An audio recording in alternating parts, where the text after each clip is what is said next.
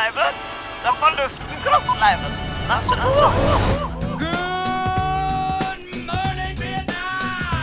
You mustn't be afraid to dream a little bigger, darling. Du hører på Du hører på Kino. Kino. Kino Syndromet. Frankly, my dear, I don't give a damn. Kinosyndromet. på Studentradioen På Studentradioen I i Bergen. Shall we begin? Det er en ny dag med nye muligheter for eh, preik og diskusjoner rundt film og eh, TV. Det er det vi gjør hver torsdag her på Kinosyndromet fra Studentradioen i Bergen. Hjertelig velkommen skal du være. Mitt navn er Terje Persen. I studio har vi òg Lukas Bakkebø Og Johannes Opptun. ja, du er stand-in, Johannes. vår produsent. han er så å si et medlem. Han har, han har vært med mange mye mer enn noen i programmet, så det Så det, det er flott. Vi, vi er altså tilbake. Det, solen skinner, men vi, det stopper ikke oss for å se masse film Ah, og serier og snakke om det. Det er heller det enn å være ute altfor masse. I hvert fall, eh, jeg føler jeg har vært mer inne de siste ukene. Sett film og, Jeg tror jeg har vært litt for mye ute, for jeg har eh, blitt ganske kraftig forkjøla. Så det, den varme, sola har, har, har skremt meg litt. Jeg har vært veldig forkjøla, så jeg har vært bare inne i hele påsken og kjeda livet av meg. Bare sett. Jeg bare bestemt meg for at jeg skal bare se jævlig bra filmer, fordi jeg var ensom hjemme alene i hele påsken og hadde jævlig alle. Så jeg var sånn, jeg skal bare se fem av fem mesterverk cinemafilmer. Så jeg bare jeg satte på så The Irishman en gang til, og siden man har tid til det, sant. Tid til å se tre og en halv time med mobster gjør det.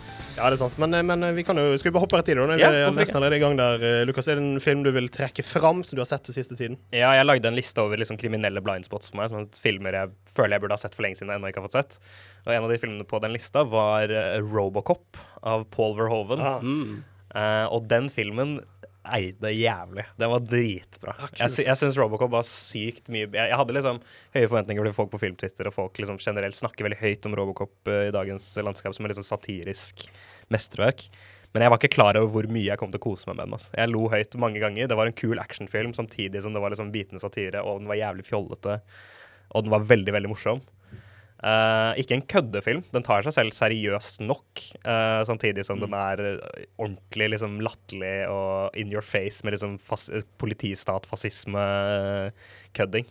Så den, eh, den var legendarisk. Den anbefaler jeg alle å catche opp med. Robocop eh, originalen, ikke remaken. Og eh, den har òg ganske mange kule praktiske effekter. Ja, det har den. Den er full av det. Masse kule blood squibs. Å, det er så Folk blir folk har den, det, er, det er en av de filmene jeg har sett hvor folk, vanlige folk har størst health bar. Folk, folk blir skutt så sykt mange ganger i Robocop og bare går fint. De kommer seg gjennom det. Mens noen blir drept på de mest brutale måtene jeg har sett i en film noen gang. Så det er liksom bodyhorror blanda med action, blanda med futuristisk liksom dystopi. Og det den var rett og slett helt rå. Jeg digga den. Ja, kult. Jeg har ikke sett den selv. Jeg har sett eh, Basic Instinct, men det er vel eh, lite som ligner de to av uh, Verhoevens Å, ja, ja, eh, ja. filmer. Ja. Nei, jeg er ikke noe kjent med Verhoven. Jeg, skal, jeg prøver å gå inn i filmene hans nå, for jeg har liksom ikke Da kan, da kan jeg anbefale Starship Troopers, hvis du likte Ja, det. jeg, jeg, må, jeg, må, jeg må få eh, sett Starship Troopers. Den også. òg har eh, Mm. fantastisk bra satire. Effektene er litt sånn eh, for det er CGI fra 90-tallet, men satiren der er on point. Ja, sånn jeg skjønte, så er de ganske like i liksom måten de er laget rundt satiren. Ja, det, det er, den, det, så den er høyt oppe på lista for meg nå. Så den er det. Nei, er. Robocop, eh, hvor var det du så den? Vet du hvor man kan få sett den? Uh, jeg leide den på Apple TV, Ja, um, så det var det jeg gjorde. Den, for den er i 4K der, og det var, det var helt rått. Jeg digga det. Ja. Eh, skurken i den er han faren fra That 70 Show, han Red Foreman. Og han, han spiller, Det er en av de beste skurkene sånn, jeg har sett på en film på kjempelenge. Han ser ut som, han er liksom balding og har briller og ser litt ut som en nerd, men han er fortsatt så sykt kul og iskald som skurk. liksom. Så Nice. Robocop 100 anbefalt. Ok, eh, Johannes, hva vil du trekke fram?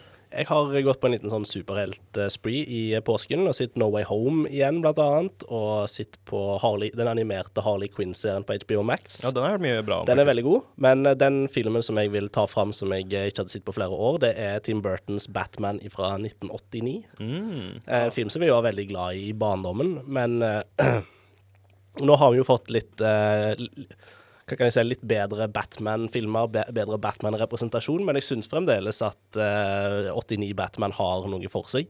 Ja, den har holdt seg til en viss grad. Til en viss grad. Eh, jeg syns spesielt Selve looken, selve stilen, den gotiske stilen, har vi ikke fått i en annen Batman-film. Kanskje litt Musikken også er ganske Musikken killer av Danny Alfman er top notch, og jeg er veldig glad i Jack Nicholson som Joker og Ja, Michael. Keaton som Batman. Men det er liksom ting der med Batman-mythosen som jeg er litt uenig med, siden jeg er veldig interessert i tegneserier. Ja, stemmer. Jeg, vet, jeg tror jeg vet hva du sikter til. Spes det ikke bare det at eh, Joker har en backstory som jeg ikke fordrar i det hele tatt, eh, men at det, det som jeg ikke har tenkt over før jeg så den på nytt, er jo at ingen i fuckings Gotham vet hvem Bruce Wayne er. Å ja, hæ? Ja, ja, for det er bare sånn alle journalister er bare sånn, Å, hvem er han? Hvem, er- hvem er Bruce Wayne? Oi, Bare sånn, det er litt rart. I alle andre Batman-representasjoner og i tegneseriene, alle vet hvem Wayne-familien er, for det var de som bygde Gotham. Og bare Bru Bruce Wayne, hvem faen er han? De bare har ingen backstory. Bare, ah, Bruce Wayne bare, var bare en fyr som fikk foreldrene sine drept i et smug. Ja, jeg syns det var litt gøy at uh, Det jeg synes er liksom det største stumbling-blokken for den filmen, er nok drakten til Batman. At han er så Ja, stiv. Han klarer ikke bevege seg en centimeter, liksom. Han, ser, han, bare, han må snu hele kroppen hvis han skal se to meter til venstre. Liksom. Og Bat-symbolet er helt rart, for det har, det har fått sånn ekstra pigger på ja, seg. og så er det masse gult på drakten og på logoen, er det ikke også? Ja, altså, den eh, pleier jo ofte å være gul. Ja. Eh, Men, men ikke, ikke så mye på film. Det er vel nesten bare den som er gul på film, er det ikke? Ja, det er den også Batman Returns. Batman Returns-drakten er jo bedre, selv om filmen suger. Oi, Eh, sterke ord. Ja. men ja, altså, jeg syns Batman 89 har holdt seg til en viss grad. Den har et par kule, kule shots, et par kule scener. Spesielt når Bat Batwingen flyr opp mot månen, og så ser, det, ser det ut som Det et sånn bat-symbol. Ja. Det syns jeg er en Veldig Tim eh, Burton, akkurat det shotet, men uh, veldig on the Ja. nose, men jeg liker det. Ja, jeg, jeg, jeg har faktisk sett den i påsken. uh, og sett den for første gang på kanskje 15 år. Jeg var ungdom når jeg så den sist. Uh, og jeg syns den har holdt seg egentlig ganske bra. Jeg hadde forventet at den skulle være ganske sånn kjedelig og kjip når du har sett den før, men jeg ble ganske imponert, altså. Jeg syns kanskje Og med Prince-soundtracket. Ja, det er mye mange kule låter der. altså. Partyboy. Ja. Så nei, jeg synes den er kjempegod. Den er jo på HBO eh, nå. Alle, HBO har alle Batman-filmene fra den og framover. Mm. Inkludert Batman, som jo kom ut denne uken. Så, eh, så Men eh, ja, den er vel Du, får, du anbefaler vel den til folk? Ikke? Det er jo sånn. Altså, jeg Kanskje for spesielt det interesserte, eller syns du Nei, jeg syns og... fremdeles det er en eh, grei Batman-film, og av de fire som kom på 80-90-tallet, som er det den eneste du som jeg mener i hvert fall er verdt å se. Ok, ja. Kult. Eh, Sjøl så eh, vil jeg trekke fram at jeg, jeg Nå har jo, eh, som sagt, The Batman kom jo akkurat ut. Den så jeg eh, nå liksom hjemme første gang siden den kom, kom ut eh, på, på kino. Det samme gjorde med Dune, som òg har jo vært ute på HBO lenge. men, men jeg tenkte nå på tide å få se den en gang til, siden jeg så den på, på kino. Og, for jeg hadde, hadde veldig sterke følelser til den når den kom ut, og så tenkte jeg hvordan holder dette seg når man ser den for andre gang? Hvordan eh, blir det når jeg vet på en måte ja, du så den bare én gang på kino? Så den en, en gang på kino, ja. Hvordan blir dette når jeg vet om på en måte all konteksten rundt at eh, filmen filmen nå får en oppfølger, og at Mm. eh, den slutter på en flytende cliffhanger og sånne ting. Så, så jeg, jeg følte det var på tide å ta et nytt uh, besøk til Dune. Jeg syns den uh, har holdt seg enda bedre enn den så på kino, faktisk. Jeg ble enda mer uh, positivt overrasket. Og den, den, den ser godt ut på, hjemme på TV-en, altså hvis du har god TV. Ja, jeg må, jeg må nesten prøve det, altså, for jeg har ikke gjort Ja. det selv. Og jeg har tenkt lenge at det må jeg få gjort for å se liksom, ordentlig bra kvalitet, Mm. hvor bra den kan se ut. Så, men men hovedgrunnen til at jeg valgte å se den på nytt igjen, er jo jeg snakket om dette sist gang, men det blir nok å snakke om dette i noen uker framover. Det er jo at jeg eh, om en uke så skal jeg jo se Hans Zimmer live. Eh, og han skal jo spille Dune-soundtracket. Er det sånn dame som synger og sånn? Ja, altså? ja, det er det. Jeg tror det er hun originale som synger på, på platen. Eller på innspillingen. kult. Og, og jeg vet ikke man, Det kan være han tar med seg Oscaren sin og viser han fram og veiver med han på scenen. Jeg vet ikke. Men eh, jeg har som plan nå neste uke å se opp igjen en del av de, de filmene med musikk fra Hans Zimmer som jeg regner med de kommer til å vise. Ja, det er Eh, lurt. det, de, de kommer til å ta en del fra den konserten de gjorde sist i 2017, men jeg vet at det blir noe nytt. Blant annet eh, The Last Samurai-scoren, så det blir den neste filmen jeg skal se. Tror du han kommer til å spille The Amazing Spider-Man 2? Jeg håper det. Fordi han er jo veldig stolt over Ja. soundtracket, og soundtracket til Amazing Spider-Man 2 er Ja. dødsbra. Og det var et av de feteste øyeblikkene på den siste konserten når han spilte det soundtracket. Spilte han Ja. Electros Ja, ja, til nå. Ja. Og han- det han har gjort om til bare enda mer sånn dubstep. eh, heftig. Det var sånn, det var, da følte jeg var på hardrock-konsert. For de hadde fått uh, lys, uh, lys og scenedesigneren til, eh, til Pink Floyd til å liksom designe scenen og sånn. Så det var bare, det var bare 1000 liksom, strobelights som blinket gjennom hele låten. Så vi fikk jo helt, fikk jo helt noia. Men det var veldig, veldig kult. Så, eh, så jeg, ikke, jeg vet ikke om jeg kan anbefale folk å gå og se den konserten. Jeg tipper den er utsolgt. Men eh, jeg kan anbefale folk å høre på om to uker, for da skal jeg anmelde. anmelde Spennende. over hvor sykt bra det der, Ja, ja. sannsynligvis. Men eh, Lukas, hva er det vi skal snakke om eh, i dag, dagens sending? Jo, vi skal anmelde The Northman. Den hadde jo egentlig premiere forrige uke, eh, så vi hadde lyst til å snakke om det, men Ja. det fikk vi ikke til. Så The Northman er ukas premiere. Det er det. Og så skal jeg eh, Det blir enda litt med Batman senere, fordi jeg fikk eh, som straff av deg, eh, tror jeg Var ikke du som ga meg straffen Jo, det var det, du to- mot Hanna som Ja. hadde Batman-quiz. et par måneder siden? Jeg tapte Batman-quiz. Jeg måtte se opp igjen Batman fra 1966. Den skal vi snakke om. Og Har du, hadde du sett den før? Eh, nei, nei, nei, nei, den har jeg ikke sett før. Ja, ok. Eh, ja, se opp, ja, jeg måtte se den. Ja. Godt poeng. Uh, og så blir det litt snakk om, eh, om Netflix og litt eh, Cannes og sånn. Så det blir Ja, det er litt kinonytt i vinden. Og så har du en quiz du òg, har du ikke det? Det har jeg. Har du en straff med den også, eller? Jeg har en quiz. Jeg har en straff. Det blir veldig gøy. Spennende. Så stay tuned for det. Så det blir mye, mye gøy på plakaten i dag. Først nå tar vi en, tar vi en musikalsk låt før vi, vi kjører på med anmeldelse av The Northman. Her kommer Sushi Easy Girl av Bård Berg.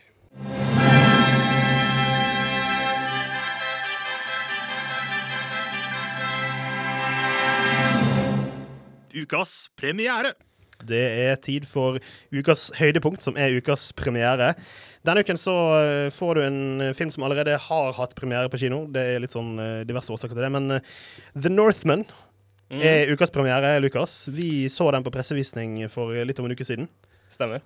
Og eh, har du lyst til å prøve det? Vi kan begynne med å forklare litt om filmen. Vil du prøve det på det? Jeg kan prøve. Uh, det er Robert Eggers, regissøren av The Witch og The Lighthouse. Han er kjent for å liksom gå inn i historisk materie og prøve å gjøre det så nøyaktig som mulig. Spesielt dialogen er han veldig opptatt av det skal være så nøyaktig som mulig. Så det her er The Northman.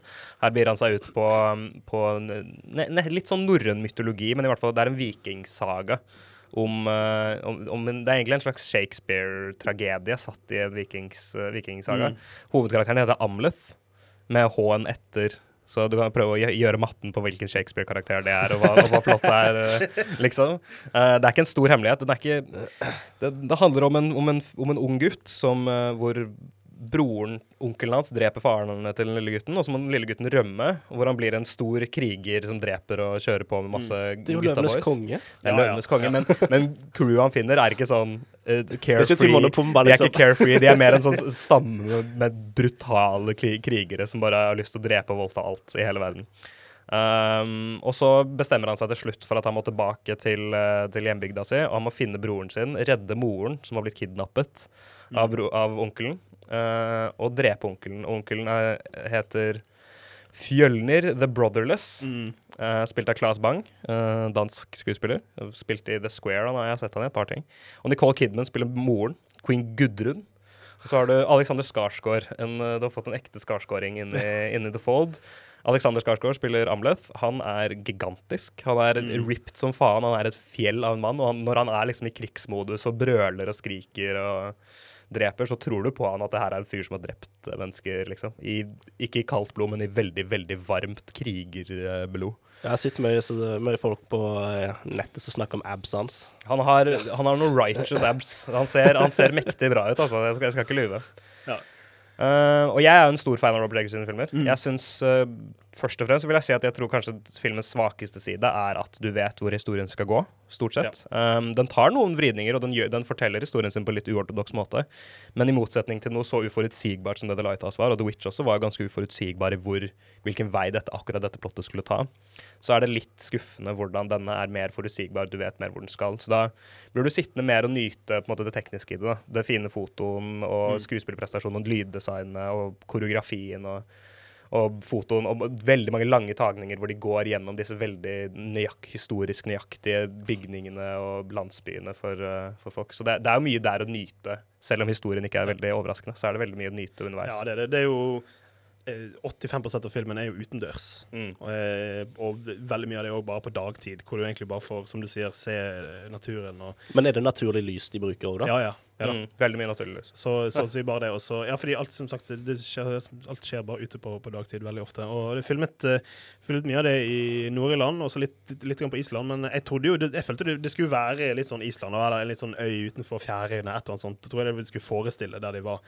Eh, Ja, det var vel Island store deler av plottet. I Ja, hvert fall fra andre men, så, men eh, mye av det var faktisk filmet, filmet i Nord-Irland. Men, oh, ja. men jeg synes det var helt, så helt fantastisk Helt utrolig landskap og location scouting de har gjort der. Og det er spesielt en vulkan som er i nærheten i hvert eh, shot i den ene landsbyen de er i. Og den er sånn, det er sånn Chekhovs gun, føler jeg. At den vulkanen at det er sånn Du vet at det kommer til å skje et eller annet. Og jeg føler ikke det er en spoiler, for de er litt Nei, ganske eksplisitte i en sånn profeti om at noe kommer til å skje der borte. på en måte. Ja. Og Ja. det er episk som faen. Liksom, det er storslagent og, og helt kaos.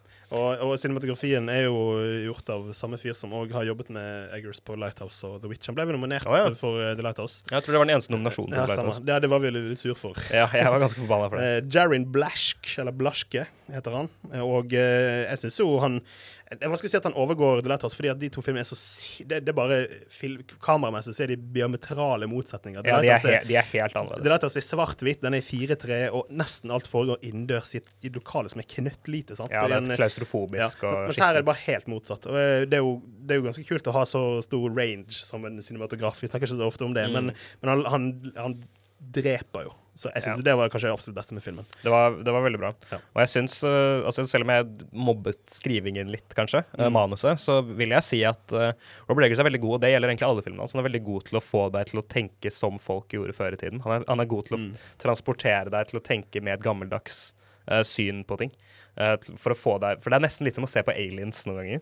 Fordi det er sånn Folk på den tiden som The Northman viser, de er liksom så disconnected fra hvordan vi tenker og hvordan vi ser på verden. Men Robert Eggers er flink til å gjøre det forståelig for oss. da, for å gjøre Det det, det føles veldig historisk nøyaktig, men han gjør det forståelig for oss at dette her var et tankesyn som folk kunne ha, og Mm. at dette var en måte folk kunne leve livene sine på. Historisk empati kalles det. Er det det, det er begrepet? Yes. Det, er han, kan, det er han utrolig god på. Kan klare å se verden gjennom øynene til ja, historiske personer eller ja, Mm, oldtidens mennesker. da. Absolutt. Og det er noe han har vært god i alle filmene sine, synes jeg. Og den her også. Og den er jo den by far den lengste Den liksom som har tatt tid Funnet sted lengst tilbake i tid Mm. uh, av filmene hans. Og jeg syns han nailer det. Jeg, Ja, synes, uh, jeg vil se disse filmene disse, disse, disse filmene fra ham så lenge jeg lever. Ja, og de, de to første filmene hans var jo A24-filmer. Mm. Små budsjetter. The Witch tror jeg hadde fire eller fem millioner dollar i budsjett, som er helt det helt, det er liksom langt under det de kaller indie-filmnivå der borte.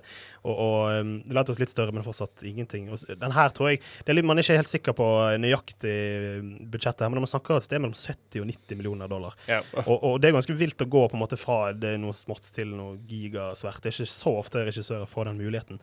Og, og eh, jeg, jeg kan jo si at der, der, der ble jeg kanskje litt kanskje, Vanskelig å si om jeg ble skuffet, for jeg syns historien er fa- fantastisk. Men når jeg gikk inn og skulle se en Robert Eggers-film, så forventet jeg jo at det skulle bli litt, litt, litt sært. Litt sånn At det skulle være mange lag. At det skulle ikke være så overfladisk som det kanskje noen ganger ble litt av.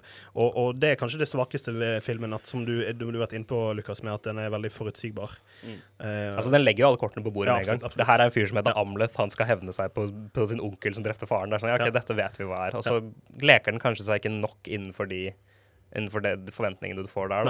Men, men, men ut, altså, til syvende og sist så gjør det ingenting når på en måte Nei. utførelsen av filmen er såpass god. Når det er på en måte craftmanship av ypperste klasse på alle andre nivåer, så er det en så utrolig fantastisk opplevelse å se. Og det var, Ja. det var veldig kult å se den på kino. Og den er så brutal. Altså, Vi må understreke det igjen, hvor fuckings brutal den filmen er. Den er så gory og liksom metal.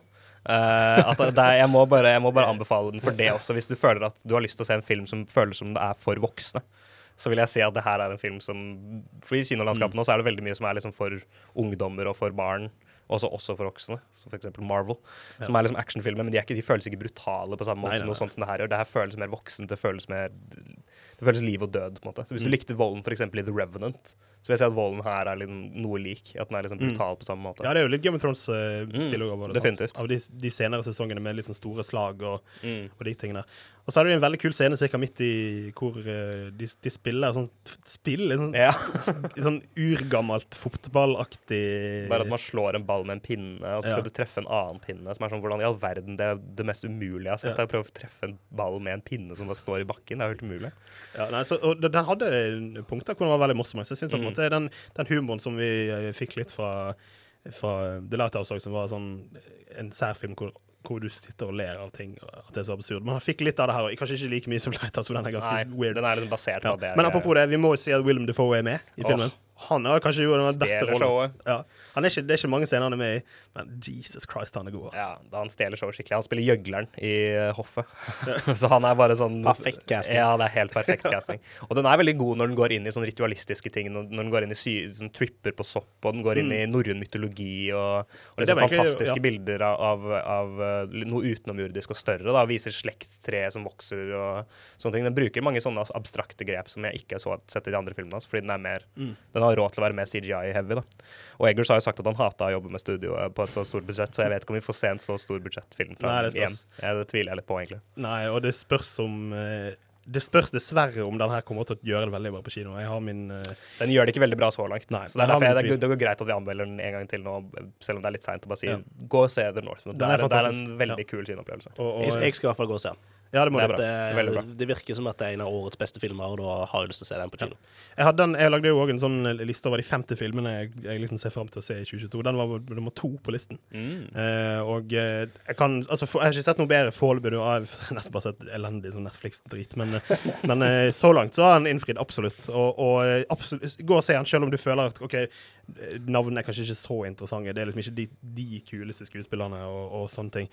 Så er han verdt å se. Jeg tror voksne folk som liker litt action eller litt, eh, litt sånn gritty filmer, kommer til å digge den nesten uansett. Ja, det, er, det er mye for det er, Jeg tror alle kommer til å finne noe de vil like med den. Eh, det vil jeg tro, hvis du går inn med en åp- åpen sinn. Ja, så eh, den får vårt varme anbe- anbefalingsstempel. Det er altså The Northman, som er på, på kino eh, nå. Hvert øyeblikk så skal vi snakke litt om hvordan det går, apropos Netflix og drittfilmer, mm -hmm. med Netflix. Og i tillegg eh, det kommer kommet ut noen nyheter om filmfestivalen i Cannes, så det blir litt kinonytt eh, veldig snart. Først eh, kommer en låt. Her er Heavy California med Jungle. Aksel Hennie skal spille James Bond. Marlon Brando er tilbake. Ringenes herre reboot på fløyen. Jar Jar Binks får egen film. Kinonytt. Du hører på Kinosyndromet, og det er tid for eh, Kinonytt. Som vi gjør av og til når vi har lyst til å snakke om litt uh, nyheter og ting og tang som beveger seg i den store filmverden. Og det som er hot for oss filmnerds akkurat nå, det er at det begynner å komme, opp, komme ut litt nyheter om uh, filmfestivalen i Cannes. Mm. Kanskje, eller det som er verdens mest prestisjefylle filmfestival. Ja, med en av de største filmprisutdelingene eh, bak eh, Oscaren, kanskje. Men, eh, men eh, Lukas, du hadde lyst til å fortelle litt om hva det er som beveger seg der. Festivalen jeg begynner, kommer vel ut om en måneds tid, ikke? Eh, ja Eller går av stabelen Akkurat det vet jeg ikke. Jeg tror det er slutten av mai, så det er ikke så langt unna. Ja, ok. Um, det har i hvert fall gått rykter en, del, en stund om hvem som skal møte opp med filmer. Det er jo alltid litt overraskende. Uh, Variety kom ut med en artikkel som senere har blitt litt kontroversiell, for det viste seg å ha en del feil i seg, men de hadde det som et eksklusivt scoop at David Cronenberg skulle komme med en ny film, David, Finch, nei, David Lynch skulle komme med en ny film, og Buzz Lightyear-filmen til Pixar, Lightyear, skal også være det. Uh, Lightyear har senere blitt ka- kansellert. Disney og Pixar nekter for at den skal være der.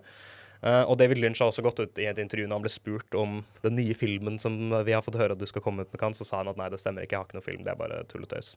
Um, David Cronenberg skal eh, være der. Han skal vise frem sin nye, nyeste film, Time, eh, 'Crimes of the Future'. Den har kommet en teaser for allerede. Den har kommet teaser for. Den skal komme ut i juni. Så den, den skal bare ha premiere på Cannes, og så skal den komme ut til folket som en sånn ah, Den gleder meg til. Som en sånn sikkert jævlig ekkel, motbydelig ser sommerfilm. creepy ut, ah, jeg Altså. gleder meg til den. Jeg håper at det er Cronenberg på sitt beste. Jeg tror det. Og det er jo lenge siden han har vært, kommet ut med en film òg. Jeg tror det her er han som virkelig skal svinge hardt tilbake. Han er tilbake med Viggo Mortensen. Ja. Han skal, det, det har blitt sagt at ja, vi forventer walkouts, vi forventer folk som besvimer i salen. Så den hypes jo opp som en, sånn, som en sånn grotesk jævlig film. da. Når det kommer til det med David Lynch, så syns jeg det er ganske surt. Uh, David Lynch, Det var, gikk jo rykter om at han lagde en serie for Netflix som het Visteria.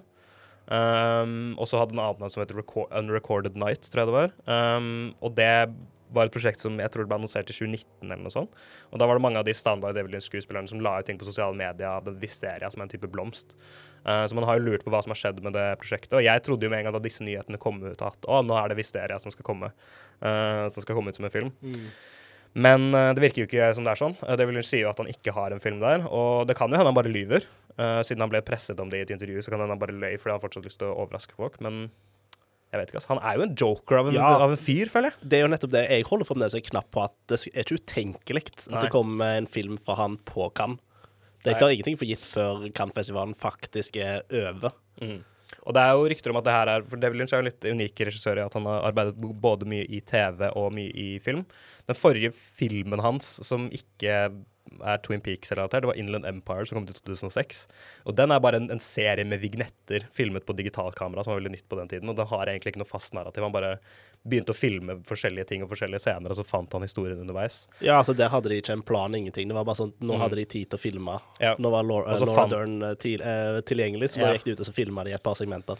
Eh, og tidligere så har han også jobbet tett med TV, Twin Peaks selvfølgelig, men Twin Peaks ble jo laget som en pilot som er en og en halv time lang, og den har en alternativ versjon av seg som ble vist på filmfestivaler før den ble plukket opp som en serie, som, hvor hele historien slutter i første episoden av Twin Peaks. Um, og Mulholland Drive ble også laget som en eh, pilot til en ABC, men de valgte å ikke plukke den opp, så da ble Mulholland Drive bare sluppet som en film i stedet, og det er jo betraktet som en av hans absolutt beste filmer. Så folk lurer jo på om Visteria eller The Unrecorded Night-prosjektet, hvis det fortsatt fins, om spørsmålet nå er om det er en film eller en TV-serie. Om det er derfor han er usikker på om det skal komme på Cannes eller ikke. Mm.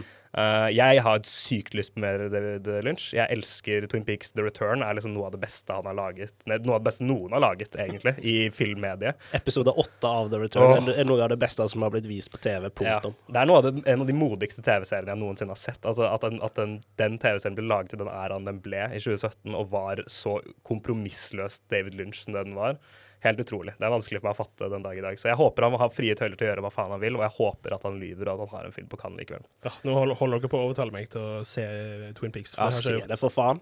Ja, det, det burde du. Det er, det, er, det er litt shotty noen ganger. Spesielt sesong to er ikke veldig bra, men når du kommer til The Return og du får sett Fire Walk With Me, så er det uslåelig, nesten. Som en surrealistisk krimmareritt. Hvor mange sesonger er det av den på en måte, originale runnen? Den originale runnen har en kort sesong, eh, og så har den en sesong til som er litt lenger, som er sesong to. Og så var det liksom 25 år, og så kom sesong ja, tre ut. er ikke meningen. Ja, fordi David Lynch forlot jo prosjektet i midten av sesong to. Fordi de tvang han til å, vise, til å avsløre hvem morderen var. Ja, Kanalen tvang han. Og Men eh, i hvert fall andre halvdel av sesong to, fram til siste episode i sesong to, er crap.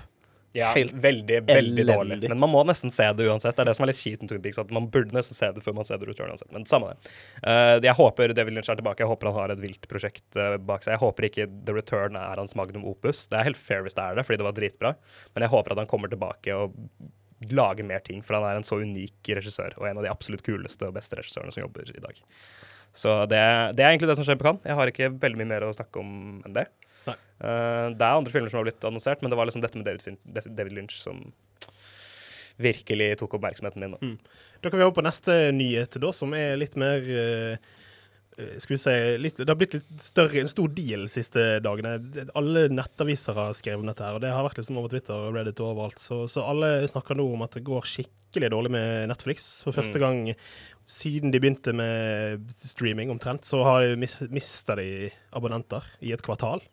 Og de, i, under, I 2021 så forventet de at de skulle få en million flere abonnenter i dette kvartalet pga. covid og sånn, men covid ga seg jo. Og, og, og av flere grunner òg så har de altså mistet subscribers istedenfor å, å For få det tilbake. første gang på ti år. Det er helt sykt. Jeg visste ikke at det var så lenge siden de hadde Mm. Det er helt vilt. Og- Men de fortjener det, da. ja, ja, for det var mitt eh, spørsmål. Hva, hva syns du om dette? Er det overraskende? Ja, altså med tanke på at eh, en av de store grunnene er jo at Netflix har jo sagt at de skal fjerne at eh, alle brukerne er nødt til å bo på samme, Mm. i samme hus. De skal ikke få gi lov til å passorddele lenger. Nei, Ja, de og og det, da mister de ganske mange kunder. Ja, for de har gått hardt ut, og det er de eneste strømmetjenestene jeg har fått med meg som har gått så hardt ut mot dette, og bare sagt at vi Det er liksom Det, det er abonnentene sin feil for at de deler passordene, og det er de som gjør at det, det går dårlig med oss. Men samtidig så kan man jo stille spørsmål med om, det, om måten de driver på, er Definitivt en stor del av det. Ja. De, har, de lager Av, av streaminggigantene nå, så er de noen av de som lager det verste originalinnholdet. Ja. De, de pumper ut bare søppel. De kansellerer alle tingene de lager som er interessante. Mindhunter sesong tre? Nei, beklager, det får du ikke. Men du, du, skal få, du skal få sesong syv med Big Mouth, liksom. Det skal du få. Isteden- Istedenfor å å prøve å lage interessante, banebrytende ting, så, så virker det som de er hell bent på bare pumpe ut litt sånn TikTok-vennlig eh, slopp til Den Den nyeste. Texas Chainsaw Massacre-filmen. Brutalt. Men uh, jeg tror òg det er litt av at HBO Max har hatt den suksessen som det har hatt. Om HBO Max fortjener hver Mm, eneste del av det. Det gjør det. Ja, det, altså jeg har sett et par, fil, et par sånn HBO Max Original-filmer som har kommet ut de siste fire månedene. Så man, vi har ikke hørt noe om det. Det har ikke vært noe eh, liksom, Det har vært utrolig lite sånn reklamering for de, eller hype rundt det. Men jeg satte på og tenkte dette her er jo bedre enn nesten alt annet jeg har sett på Netflix de siste årene. Ja, Og det er liksom små filmer som man nesten ikke har hørt om. For, fordi Før så var det Netflix som var gigantene, men nå er det jo HBO Max, Disney pluss, Apple TV pluss, som er milevis bedre Har milevis Ja, Apple TV pluss er jo veldig populære nå med det ene programmet de har. The Severance. eller noe Severance, ja, sånt. med Ben Stiller sin serie. Ja, Ja. den er, den er, Ted Lasso også, Ted Lasso er noe Ted av det beste jeg har sett. Mens Netflix har ikke hatt en sånn hit på dritlenge. Da. Jeg føler Stranger Things og forrige gang, eller Tiger King, da, kanskje. Ja, den kan- Um, men det føltes, Tiger King føltes litt som en slump. Det føltes litt som de fikk til noe på et uhell, nesten. Ja. Ja, det var en sleeper hit. Ja, det var en Visste at det kom til å ta av som det, som det gjorde. Ja, og de har ikke hatt stort. noe stort. Bird, Bird Box, hva den het. Også, Ja, Birdbox Bird Box var stor, og så hadde de Bob Burnham som inside. Altså, de har jo Noen ganger så får de ting som, som The Irishman ja. så videre, men det er for sjeldent. Og for det meste så lager de bare søppel, mens de gamle klassiske filmene deres bare minker og minker, og så Mm. sitter man egentlig igjen med nesten bare originalinnholdet til Netflix. Ja. Men altså, jeg, jeg skjønner jo Altså, jeg skjønner at det ikke er lett for de å drive når Fordi at det, det skal ikke være lett når de får, eh, når de får konkurranse. Sånn er, sånn er på en måte verden bygd opp. At da skal det bli mer Da må de jobbe hardere. Men jeg tror ikke Jeg tror ikke løsningen er å drive og begrense så vanvittig på brukerne og gjøre på en måte oss abonnentene til de store slemme, og i tillegg øke prisen flere ganger som de har gjort. Og I USA har de økt, økt prosentvis mye mer enn de har gjort her i Norge. Og til og med her så er jo det Hvis du skal ha 4K Netflix her i Norge, så koster det 150 kroner. Det er jo desidert den dyreste. Ja, Netflix er jo også den eneste som uh, som sin billigste tier er sånn 480P. Ja. Det er sånn, de, har, de har sånn en forakt mot, uh, mot uh, kundene sine. Så da HBO Max er 90 kroner i måneden, og Apple TV Pluss er 60 kroner i måneden. Ja, ja og HBO sin standard er jo 4K, liksom. Ja, De har jo 4K på så å si alle de originalgreiene sine, mens på Netflix så må du betale så mye mer, mens det billigste abonnementet som Mm. Jeg tror det er ganske mange som går rundt og har det billigste abonnementet til Netflix og ikke vet at det er derfor kval- videokvaliteten er så elendig. Ja. Jeg vet mamma var i den situasjonen i hvert fall. Og det, det ser ikke bra ut altså, når det er kom Nei. Netflix komprimert og 480p. Og så er, koster det fortsatt mer enn Disney Pluss og HBO Max. Det er jo helt kriminelt. Ja, det er det. Så tror jeg jo selvfølgelig at uh, filmer som Red Notice, selv om det er en dårlig film, tror jeg den tjente de godt på, fordi at den Der gjorde de en ganske god jobb med markedsføringen. Det er selvfølgelig skuespillerne involvert, og sånn. Ryan Reynolds etterpå med, med den der elendige Adam Project. Ja. Adam Project. Ja, men for det er jo det, de, de satser så Hvorfor satser de så mye penger på Ryan Reynolds? jeg kan ikke fordra det. Nei. De, de, ja, jeg vet ikke. Det er en sånn forakt for, for kundene sine. Jeg bare går tilbake til det. Altså, jeg føler De er bare sånn Ja, det her er det du vil ha, er det ikke det? Ryan Mm. Reynolds og Gal Gadot, er det ikke det du vil ha? Ditt svin. Bare spader de masse piss. Er det, ikke, er det ikke dette du vil ha? Love is blind sesong 15? Er det ikke dette du har lyst på? Forbanna Du er, å, du er så evneverk, du er så dum, du er så dum. Det er det Netflix føler sier til meg. Ja, men, men det, jo- det er jo klart at eh, vi har de fortsatt til takke for filmer som Roma og The Irishman, som ingen Ja andre filmselskap ville ta, med, ta på med ti meter lang pinne, fordi at eh, enten det var for dyrt eller for liksom weird. Ja, de, har, de har gjort noen store swings for the fences. Det skal de har de. Så, og det, de filmene så, sånn som det, de er jo tilgjengelige på Netflix for alltid. Så selv om på en måte The Irishman kostet 200 millioner dollar å lage pga. CGI-en, så, så er det en film som de, de, ha, de kan ha de neste 100 årene hvis de vil, og fortsatt liksom tjene litt på her Det er og Vi kan, vi kan aldri ta fra dem The Irishman. Den lagde Nei. de faktisk. Det Ja. fikk de til. Ja, og jeg liker jo Roma enda bedre, men jeg syns begge de to er fantastiske filmer. Marriage Story òg, vil jeg slenge Marriage. Ja, Story. jo, absolutt. Altså, Og selvfølgelig eh, The Power of the Dog, som har fått mye drit det siste, som er jo en kvalitetsfilm som, Ja. som eh, jo eh, Ja, jeg tror ikke det gjorde det spesielt bra blant publikum. og så har de Better Call Saul i internasjonalt òg. Det er Mm. cred for det. Så de, de, har, de får det til noen ganger, men det. det er så mye drit de produserer at ja, det. jeg syns ikke, ikke synd på dem når de begynner å ta på subscribers nå. Nei, absolutt ikke. Vi har, vi har ikke noen løsning å tilby dere Netflix, dessverre. Dette må dere klare på egen hånd. Men eh, jeg, jeg stor fornøyd med HBO jeg, akkurat nå. Og Disney Pluss, som jeg sa her på radio for to år siden, at jeg aldri skulle abonnere på. Ja, stemmer det. Du var så klar over å Det har jeg hatt nå i et halvt år, så, så, sånn har livet mitt blitt. Så, men jeg tror, eh, om ikke så lenge, så skal jeg eh, komme litt nærmere inn på grunnen til Kanskje en av grunnene til at det går så dårlig med Netflix. For jeg har en quiz til dere gutter, hvor jeg skal eh, ta fram eh, og stille dere noen spørsmål om noen av de absolutt dårligste filmene Netflix har uh, gitt ut de siste årene. Så Ja, det kommer, ja, det kommer om ikke så altfor lenge. Det blir gøy. Og selvfølgelig er det straff, så stay tuned for det. Her kommer en eh, låt først. Talking Heads med 'This Must Be The Place'. Klørne til Wolverine er laget av Hugh Jackmans negler. Eh, fakta. Bølgen ble laget av 70 pensjonister. Fakta. Hemsworth-brødrene er egentlig ikke brødre. Fleip. Fleip eller filmfakta? Du hører på Kinosyndromet fra Studentradioen i Bergen. Vi ruller videre med en aldri så liten eh, quiz. En litt sånn fleip eller filmfakta-aktig quiz.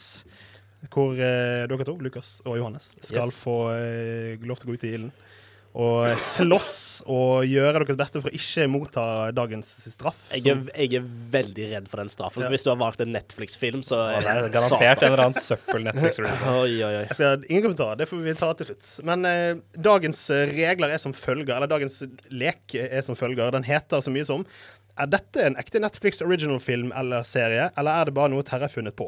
Oh, det er et fengende navn. Ja, og Det er ikke serie, forresten. Alt. Jeg endte bare med å ta filmer.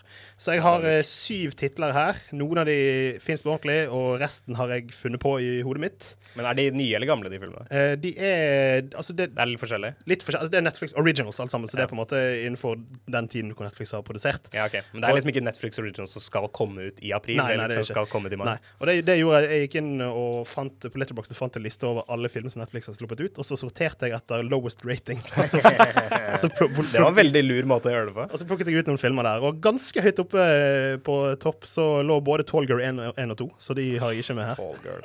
In my, in my heart At de lagde en toer, forstår ikke jeg. Men, Jeg må få sett den snart. Sånn. OK, men vi kjører på med første tittel. For å gjøre det litt spennende denne gangen, så jeg sier tittelen og skal si noe om filmen òg. Så sier- gjetter dere hver om dere tror det er en ekte eller falsk film. Ok. Og så skal jeg skrive det ned, og så skal jeg avsløre det til slutt istedenfor underveis. Okay. okay. Så, så blir det ikke noe sånn her man tenker om det er noe mønster, eller hvor mange er ditten og datten. Ah, sleipt. Ja, så tar dere annenhver uh, runde hver og gjetter først. Okay. ok. Første tittel.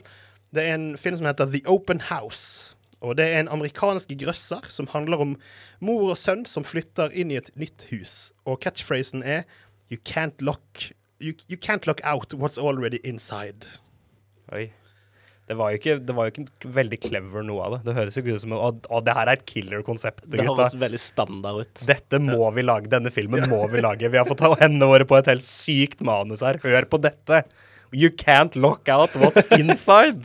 Var det det det var? Eh, ja. Mm. Hmm, ok, Hvem er det som skal få gjette først? da? Skal du bestemme? Eh, Johannes, du kan gjette først. Jeg føler at jeg har hørt denne tittelen før, så jeg tror det er en ekte Netflix-film. OK. Hva tror du. Lukas? Jeg, jeg nekter å bli med på sånn greie at jeg gjør det motsatte bare for å være en good sport. Så jeg sier, jeg, vet hva, jeg sier også at den er ekte. Jeg tror på at den er ekte. OK, flott. Da skriver jeg skrevet det ned, så tar vi dette på. Det blir spennende. Neste film Det er en film som heter Foreigner of the Past. Det er en tysk sci-fi-thriller om tidsreiseinnviklinger basert på boken Ich bin in der Zeitgeist. Wow. Jeg blir veldig imponert hvis du har funnet på det her. Det er mye, back, det er mye lore du har gjort Ja, her. ja. Det høres jo veldig ut som Beforeigners, da. Så hvis det, hvis det har kommet ut samtidig som Beforeigners, så er det veldig gøy hvis Netflix var sånn. Det kan vi også gjøre. Vi gjør også det. Vi kan også ha tidsreisegreier med innvandrere. Mm. Hmm. Ja, dette var altså en, en tysk film. De har jo eh, de siste, siste fem årene så har jo Netflix sluppet mer eh, sånn europeisk og Jeg tror den filmen her Jeg tror den filmen her fins. Det er en ekte Ekte? Netflix. OK, Johannes, hva går du for? Jeg tror ikke den er ekte. Nei. Foreigner of the Past. Du tror ikke han er ekte? Nei. Det er en bra tittel. Det høres sikkert skikkelig bra ut på tysk. Ja, det gjør nok. Det gjør det. Uh, neste, film nummer tre. Layla Everlasting. Dette er en tyrkisk komedie om en arkeolog som ønsker å drepe konen sin etter at han har forelsket seg i parterapeuten deres. Ekte Hitchcock. En ekte tyrkisk Hitchcock. Etter Jeg tror han forelsket seg i parterapeuten. Parterapeuten. Oi, så han er en skikkelig drittsekk, altså. Ja. Han er en skikkelig, en skikkelig asshole, han fyr. Ja, og den heter altså Layla Everything. Eh, Layla Everlasting, sorry. Mm. Hmm, har du noen tanker der? eh? Det er vanskelig. Den, den høres så jævla absurd ut. Og jeg vet jo den der, Hva er det, 365 Days, den der Netflix-filmen? Ja, så den, Fifty eh, Shades-greia. Mm. Ja, så altså De har jo i det siste publisert mye ræl. Ja, det har de I- i- alltid Ja, ja, men i, i den konteksten, liksom. Eh, så denne tror jeg faktisk er ekte. Mm. Okay. Jeg tror jeg sier at det her er den første som jeg tror Terje har funnet på. Men jeg jeg deg hvis du har funnet på den, så gir jeg deg mye cred. Ja, ja, Jeg, egentlig for alle disse her, så er det veldig Du har brukt fantasien godt eh, Ja. på et eller annet Ja, tidspunkt. det, jeg tror det, altså. OK, flott. Eh, Film nummer fire. Den heter Father Christmas Is Back. det er en britisk komedie, selvfølgelig, med blant annet Talula Riley, hun som var gift med Elon Musk, hvis noen husker hun, og har undertittelen And you think your family is a mess? Med to spørsmålstegn eh, bak. Og det er en. OK. Altså, vi får ikke noen plot-synopsis på det. Nei, nei, det var bare, bare Father Christmas is back. Er det den heter? Ja. OK, hvem er det som skal, hvem er det som skal gjette først? Det. Skal vi se, du Lukas eh, først, ja. ja. Eh, jeg tror den filmen her ikke fins. Jeg tror det er en opp oppdiktet falsk film. Ja. Jeg tror heller, heller ikke denne fins.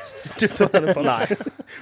Is Du merker hvor, hvor Hver gang vi har lekt den leken her før, så har vi, bare, så har vi alltid tatt motsatt av det den andre personen Ja, sa, ja. for å gjøre det gøy og spennende. Ja, men Men her- nå, jeg skal Jeg, jeg, jeg jeg har ikke lyst til å se den Netflix-dritten. Jeg har lyst til å vinne. Jeg har er lyst til å vinne. Dere må være kompetitive. Det er bra, det. All right, vi, vi kjører på med et par til. Nummer fem, The Sorrow. Det er en amerikansk thriller med Russell Crowe i hovedrollen, som handler om at konen hans blir bortført på bryllupsreisen. Ok. Altså The, the Sorrow. The Sorrow. Med Russell Crowe? Ja. Nei, det, det tror jeg er oppdikta. Jeg tror også det er oppdikta. OK? Jeg tror jeg hadde fått med meg det hvis det var en Ja, Russell Crowe original-film. Ikke at han er så jævlig A-list nå, liksom, men jeg føler det er en liten happening hver gang. han Allikevel, det er et stort navn, så du hadde Ja. f- fått med deg hvis han spilte Han i en er liksom ikke med i så mye søppel. om det. Han, var med, han ble feit for den der tr- trøkkerfilmen hans hvor han var sånn morderisk lastebilsjåfør. Ja, bortsett fra det så har jeg ikke hørt fra Russell Crowe på dritlenge. Og så skal han være med i den Thor-greia. Ja, Som stemmer. Sevs. Ja, Men jeg sier også at Falsk. den ikke okay. Flott. Det, vi har to filmer til. Vi tar de kjapt. Oh. Nummer seks, Secret, Ob Secret Obsession. Amerikansk psykologisk thriller om en kvinne som blir utsatt for tilsynelatende blind vold på gaten. Ja, jeg altså sier den, Secret Obsession. den fins. Det er en ekte Netflix-film. Det bestemmer jeg meg for akkurat nå. ja. The Secret Obsession høres akkurat ut som sånn husmor-fodder som Netflix elsker å lage. Ja. Men da Jeg sier at den ikke fins. Det falsk? Den er kanskje litt foran on the. Det kan Ja. hende det Ja, kan hende det, driter i det. ja, det er det er vanskelig, dette, altså. Ja, ja. For alle der høres ut som Netflix-søppel. Ja. Ja. Aller siste, før vi tar, tar fasiten. Det er eh, en film som heter Mark of the Devil. Og Dette er en me meksikansk grøsser om en ung mann besatt av djevelen, som må få hjelp av en heroinavhengig prest. Heter hovedkarakteren Mark? Eh, Nei, altså, det, merket av djevelen. Ja, men tenk så bra tittel det hadde vært hvis det var en fyr som het Mark, som ble, besatt, som ble besatt av djevelen. Ja. Ja. Marco. Marco. det er et godt poeng. Uh, Mark of the Devil. Det er vel Johannes sin tur Ja, jeg først. tror du Jeg, først, tror- jeg tror denne fins. Du tror den fins? Ok, men Da sier jeg den er oppdiktet. Ja. Gøy. Det er jo veldig gøy at dere er litt, litt enige og litt uenige. Det er jo litt gøy hvor lite jeg kan om de internasjonale Netflix. Altså Jeg kan åpenbart lite om de vanlige Netflix-filmene også, men hvor ek ekstra lite jeg kan om de utenlandske, de liksom tyrkiske og, og, og tyske og sånn. Hvis noen Kanskje det er en ut. grunn til at vi ikke har hørt om det dag, da. Ja, de bare lager søppel. Det, det kan Det er jo som om Norges Netflix-record er så veldig god heller. Lillehammer var jo bra, men sånn det Ragnarok-greiene Ja, men Lillehammer var jo bare den siste sesongen. Ja, det er sant. All right, Vil dere ha fasiten? Ja. Dette blir gøy. Først og fremst The Open House. Altså uh, grusom catchphrase You can't look out what's already inside. Den er ekte. Det gjetter dere riktig på begge to. Hey. Uh, det er med Dylan Minette i hovedrollen. Han fra uh, den her selvmordsserien. 13 Reasons Why? Ja. Å ja, han, ja. Mm. Jeg har Ja, aldri hørt om den før. Men den, den var, det er den amerikanske filmen som har lavest rating av alle filmer på Netflix. Oi. Eh, nummer to, 'Foreigner of the Past'. Den er falsk. Uh, så der gikk du på en smell, Lukas. Fitte. Den er ikke bare falsk, men for, 'Foreigner of the Past' Den fant jeg på sånn blockbuster movie title generator. så, Jeg syns det, det var en sikt tittel. Ja. Det var ganske beforeigners. ja, og så oversatte jeg uh, jeg, reiser i, 'Jeg reiser i tiden' til tysk på Google Translate, og så tok jeg det som boktittel. eh, Wow. Jeg er imponert, Terje. Jeg. Nice. nice. Nummer tre, Leila Everlasting, den tyrkiske komedien om en arkeolog. den er ekte. Den uh, fins. Ja, Hva sa, hva sa vi på den? Den eh, sa dere falskt på begge to, så det er ingen poeng på den. OK. Det var dårlig. Det var dårlig altså. også. Nummer fire, Father Christmas is back. Den er ekte. Nei! Det, den er 100% ekte, så Nei, skal vi se, Johannes, du fikk faktisk rett på forrige år, du. Du tok eh, ekte Den på Leila. Ja, stemmer. Men dere begge tok feil på denne, Father Christmas Ja. is back, for den er faktisk ekte. Der trodde vi ikke på at den fantes i det hele Nei, det, det var så lazy forklart av deg. Det var sånn der, Du har jo ikke Ja. funnet på noe plott der engang. Liksom. Det er jo bare Nei, det, var veldig, det var ganske mange dårlige plottforklaringer på det, siden. det tror jeg på. Det tror jeg Eh, nummer fem, The Sorrow, med Russell Crowe. Helt korrekt. Den fant jeg selvfølgelig på. på. Ass. Så da er det foreløpig 4-2 til Johannes. Oi, oi, oi. Og så har vi nummer seks, Secret Obsession. Altså amerikansk eh, psykologisk thriller. Den er selvfølgelig ekte. Det er poeng til eh, Lukas. Oi, Da er det 4-3. 4-3. Før siste film, Mark of the Devil. Den er selvfølgelig ekte. Da er det poeng til uh, Johannes. Faen. Johannes Ah, det er vi slipper å se Netflix-drit. Jævlig nær. OK, hva er, hva er eh, Jeg håper det er? Kissing Booth du har valgt. Nå er, eh, jeg sa i sted at, eh, at den eh, Det er Tall Girl 2, er det ikke? Nei, det kunne det vært. Jeg sa i sted at den, den filmen, det var den amerikanske filmen med lavest rating. Det er faktisk en som har enda litt lavere rating. Du var inne på det i sted når du sa TikTok-filmer, Lukas. Å nei, er det, er det He's All That? Her er det selvfølgelig Adams Ray i hovedrollen i He's All That. Å nei, og den skal jeg se? 1,4 stjerner har han. Oh my Fy fucking god. På Letterboxd eller på IMDb? På, på Letterboxd. Ja, IMDb har vært helt krise, men Ja. på Letterboxd. Den er på Netflix, den er halvannen time lang, så kos deg har, med det. jeg, som sagt, jeg har bare sett fem av fem Masterpiece-filmer, og så kommer det her inn som en wrecking ball og bare ødelegger hele kinogleden min. Faen, ass. Sånn er livet. Men eh, sånn er det med straff. Det, vi må se det vi Vi må se det vi blir bedt om å se. Jeg ble bedt av deg om å se Batman 1966, og det har jeg gjort. Så det er den jeg Det er skal snakke Jeg føler det var hyggeligere. Det var det. Jeg bare sa at jeg var glad for den. Så den skal jeg snakke om eh, snart, for det må vi òg gjøre. Vi må snakke om filmen og anmelde den på luften etterpå. Ja. Så hvis du vil høre det, så kommer den like etter Kanye West med 'Lord I Need You'. This is what happens when an unstoppable force meets an immovable object. You truly are Kinosyndromet. På Studentradioen i Bergen. Det er 100% korrekt. Det er Kinosyndromet fra Studentradioen Bergen du hører på. Vi nærmer oss slutten for dagens utgave, men eh, før vi gir oss helt, så må jeg få eh, hva skal du si da, utøve min straff, som er at jeg for eh, Ja, det begynner å bli noen uker siden, to-tre uker siden, så eh, Det er Batman sikkert over en måned, ja, ja, nei, ja, det er lenge siden jeg fikk straffen, men Ja. det tok litt tid før jeg fikk sett den. Ah, ja, ok. Så, men det var altså Batman eh, fra 1966. Den, eh, jeg, vet, jeg tror ikke Det er ikke den første Batman eh, live action-film, for det har kommet ut noen serier før. Men jeg tror det er den første i farger, sånn som jeg har skjønt det. Ja, Og altså jeg det var svart-hvitt Batman. Ja, ja, det er sånn Ja. filmserios fra 40-tallet. Å ja, det visste jeg Mm. Og sikkert den første i den scalen som er. Og eh, det er jo Har du sett den forresten, Lukas? Nei, jeg har ikke det, Nei. men jeg har lyst til å se den, faktisk. Hadde- jeg har egentlig lyst til å se serien ganske lenge. For jeg, Ja. folk på filmtwitter er sånn den serien her er dritbra. De syns liksom den gamle Batman-serien er skikkelig morsom. Ja, du har sett den, Johannes? Ja, jeg har sett filmen flere ganger, så jeg har sett et par episoder av serien. Ja, for dette er jo altså eh, Adam West, eh, Batman. Han er jo blitt en stor legende i liksom, filmverden for å eh, Eller ikke bare filmverden, men verden generelt for å ha spilt liksom, den utgaven av Batman. Og, og som sagt så kommer det ut en serie like etter filmen. Uh, de, jeg regner med de, de er jo connected, for det er jo flere av skuespillerne som er med i både filmen og Jeg trodde det var serien. omvendt, at filmen kom etterpå.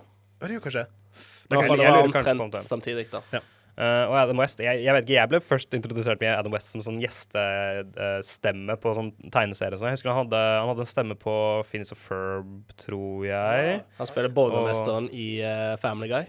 Ja, ja, ja og, og han heter, karakteren han spiller, heter of, veldig også ofte Adam West. Og Fairly Ja, Odd Parents ja, ja. også hadde han stemmerolle. Så han, han er liksom så en legende i miljøet da, at han bare Mm. går rundt og spiller seg selv på masse animerte filmer. Det er legende. Og dette her var jo en Batman-film som Det er jo en Batman-film som ikke ligner noe annet enn det vi har fått. Og spesielt ikke de Batman-filmene vi har hatt de siste årene. Fordi i, hvor det i dag handler mye om liksom realisme og depresjon og liksom mørke scener og Kom inn i psyken til Batman. ja, veldig sånn patetiske folk, så er den det er bare en lettbeint komedie med sånn veldig fjollete karakterer. Og utrolig mye sånn veldig sånn deadpan-humor, med folk som står og stirrer på hverandre i øynene og så sier noe som egentlig er dritmorsomt. Ja, for det var jo ikke forrige Richard Donner sin Supermann i 1978, hvor uh, superheltfilmsjangeren liksom Ikke bare var tull. Ikke Ja. bare var fjas. Det her var det bare for å gjøre narr av tegneseriemediet. Mm.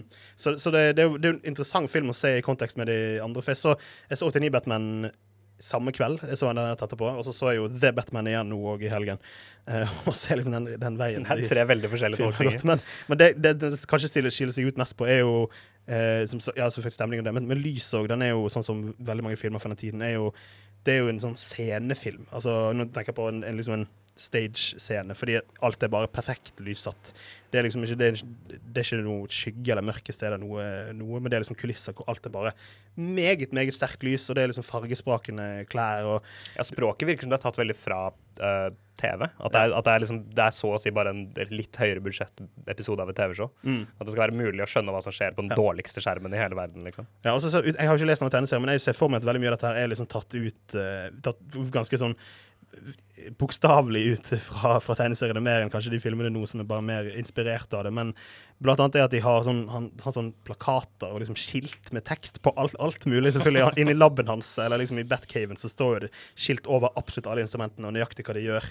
Og i tillegg så er det en, det er en scene hvor de flyr et helikopter. Eh, hvor Batman skal klatre ned en stige fra helikopteret i luften. Og så slipper han en sånn stige ned, så du ser stigen rulle seg rulle seg ut. Det er sånn mange sekunder på den stigen ruller seg ut. Og så når den er helt på bunnen, så, så henger det et skilt ned, og så det bare stå 'Batladder'. sånn, hva er poenget? Men det er sånn, jeg ser for meg at det akkurat sånn var det i tegneserien. Eh, altså, jeg mener eh, at tegneseriene ble forandra nettopp pga. at uh, serien og denne filmen var så populær at de gikk og ja, okay. endra tegneseriene. At det sånn den veien, Ja, det, jeg tror det, tror det er Tegneserien ble mer fjollete? Ja, for altså, på 60-tallet, når serien ble såpass populær, så Mm. de tegneserien. Og det, det er ikke ofte vi ser det. Nei, det er ikke. Det eneste jeg kommer på, er kanskje Batman og så Guardians of the Galaxy-tegneseriene. Forandra de helt fordi at James Gunn sine filmer ble så jævla populære. Mm. Så de karakterene i, tegn, i Guardians-tegneseriene er helt annerledes pre-Guardians i Ja. 2014. Og det kan jo hende hvor fjollete denne filmen her var, og serien og sånne ting, gjorde at eh, liksom eh, rett kursretningen som de gikk for etterpå, gikk enda hardere inn på liksom, at det skulle være gritty, med Tim Burton, eksempel. Ja. Sånn for eksempel eh, jeg tenker liksom Jeg har jo ikke sett denne her, uh, men jeg, jeg tenker med en gang på liksom Austin Powers, moren av James Bond, og hvordan Mm. James Bond da måtte gå veldig gritty for å yeah. differensiere seg fra, fra Austin Powers. Daniel Craig har jo sagt det. Han sa jo sånn Ja, hvis du syns James Bond-filmen nå er for seriøs og gritty, så kan du skylde på Austin Powers. Det er, Mm. det er de filmene sin feil, på en måte. Ja, men det, det er helt sant det at de eh, Akkurat sånn som i tegneseriene òg, så måtte de på 70-tallet reboota basically Batman for å ta han For en ny tilbake Ja, for liksom. å ta han tilbake til den mørke detektiven som han var. Mm. Så det var, det var på 70-tallet, og så kom jo eh, 89 Batman-filmen ut og viste Batman skal være gotisk, og det skal være mørkt. Mm. Det skal jeg- være en ja, skrekkfilm, nesten. Ja. Nei, altså, jeg ble jo positivt imponert. Det er ikke bare Selv om komedien er kanskje det sitter mest igjen med. Jeg tenkte den var veldig veldig morsom. Så, så jeg si at noen av de liksom, action-set-piecene òg gjorde inntrykk. Men jeg tenkte på yeah. liksom, konteksten hvor gammelt det var. Eh, sant? Den kom jo ut elleve år før Star Wars, ikke sant? selvfølgelig på et mye mindre budsjett. Det er men- ganske gøy eh, Eh, perspektiv. ja. Men den helikopterscenen som jeg nevnte, den er sånn Der virker det som at de var liksom pionerer på det der med å, å, å på en måte kjøre sånn stunt doubles, med at du har nærbilder av skuespillerne som, som er i et veldig safe miljø de, i et sett. Og så i svære oversiktsbilder, da er de faktisk til stede på sjøen. Oh, ja. Og så er det noen stuntfolk som, som gjør det. Og det, du, du, jeg følte at det, det, virk, det føltes liksom, liksom genuint, og det er ikke ofte man Jeg, det, Jeg forventer ikke det er en så gammel film. Sånn. Ja, det beste med den filmen er Burt Ward som eh, Robin. Og alle, Ja. de, alle de, Holy mackerel, Batman! Er han er et faktisk høydepunkt i filmen? Ja, det er høydepunktet. Det er Burt det Ward som jeg. Batman. Ja. Nei, som jeg, jeg, jeg må få sett den. Ja, det må du. Jeg må det. Altså, jeg anbefaler det. Jeg synes den er, det, det er en gøy film. Mm.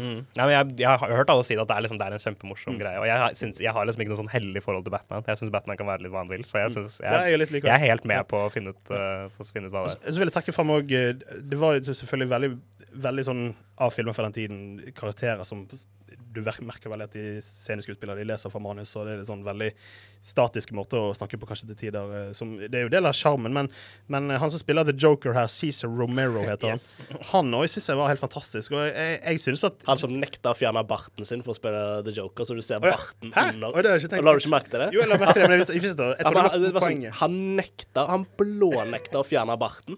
Det er sånn Henry Cavill i Justice League. Er sånn, han nekta. Da, lø, han- det høres ut som de løste det på en bedre måte i denne filmen enn hvordan de løste det i Justice League. Da. Ja, så da bare tok de Du ser barten tydelig òg, og det som jeg òg elsker, at det finnes et sånt legosett av den Batmobilen, og Batmobilen er dødskul. Ja. Eh, men der er det en liten uh, Joker-figur, og da kan du se at den uh, Lego Joker-figuren har en sånn liten ja, antydning bart. Ja, Så det er bare, gøy, eh, Nydelig. Ja, og jeg synes det, det er lett å se at Jack Nicholson har tatt en del inspirasjon fra han, for det, de er ganske like.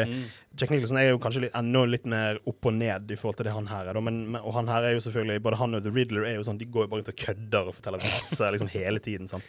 Eh, og, men noen av de, noen av de eh, eh, altså de gåtene, da, The Riddlesene, var fantastisk gode. Eh, der syns jeg The Batman kunne ha tatt en, lært litt av de, for de var veldig gøye. Det er liksom en vits bak alle, alle gåtene hans. Så nei, kjempefantastisk opplevelse. Eh, Så ikke en straff i det hele tatt. Nei, på ingen måte. Følg med på Kinosyndrom neste uke når jeg sier akkurat det samme om He, he Saw That. Jeg, ble, jeg syns den var ordentlig god. Altså. Jeg synes Den tok meg skikkelig på senga. Ja. Kan du se for deg? håpe det. Det var fantastisk.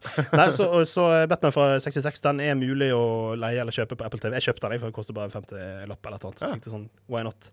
Det var en nydelig opplevelse, og jeg vil anbefale den for alle som som liker superheltfilmer liksom over snittet og er veldig glad i det, så er det, er det liksom verdt å se. Både for konteksten sin del, og for å liksom utvide horisonten. Hva- Bare ikke ta filmen seriøst, fordi filmen i seg sjøl tar seg ikke sjøl seriøst. Nei, bare le med den. Det er en deadband-komedie som er litt screwball og litt uh, ja. Ja. Så, så nei, det blir, det blir en anbefaling fra meg, det her også. Så, Så deilig. Mange filmtips for oss i dag. og Batman er bare en av, en av mange, så, så absolutt gå og se. Men eh, jeg tror vi gir oss der, gutter. Hvis ikke Ja. vi har noe mer på hjertet. det har vel ikke det. Så Det du, du, Lukas, du skal hjem og se Se Se dritt. Ja, det gleder jeg meg til. Sette av tid i dagen min og hektiske hverdagen min til å se He Saw That på Netflix. Ja, I 4K, sikkert. det er sikkert også. Ja, det tror jeg. Og så vil jeg bare takke for at du har hørt på som alltid. Følg oss på eh, Facebook og Instagram, selv om ikke det skjer så, så vi er ikke så flinke på Nei, å legge ut det der ikke. Men eh, vi er happy så lenge du hører på podkastene våre. De kan du høre overalt hvor du gjør det, enten det er iTunes eller eh, Spotify Det er lydprodukter vi legger blod og svette og tårer inn i, tross alt. Absolutt. Og eh, hør på Studentradioen eh, dagen lang, så er vi tilbake neste uke med Kinesisk Hei då. Ha det bra.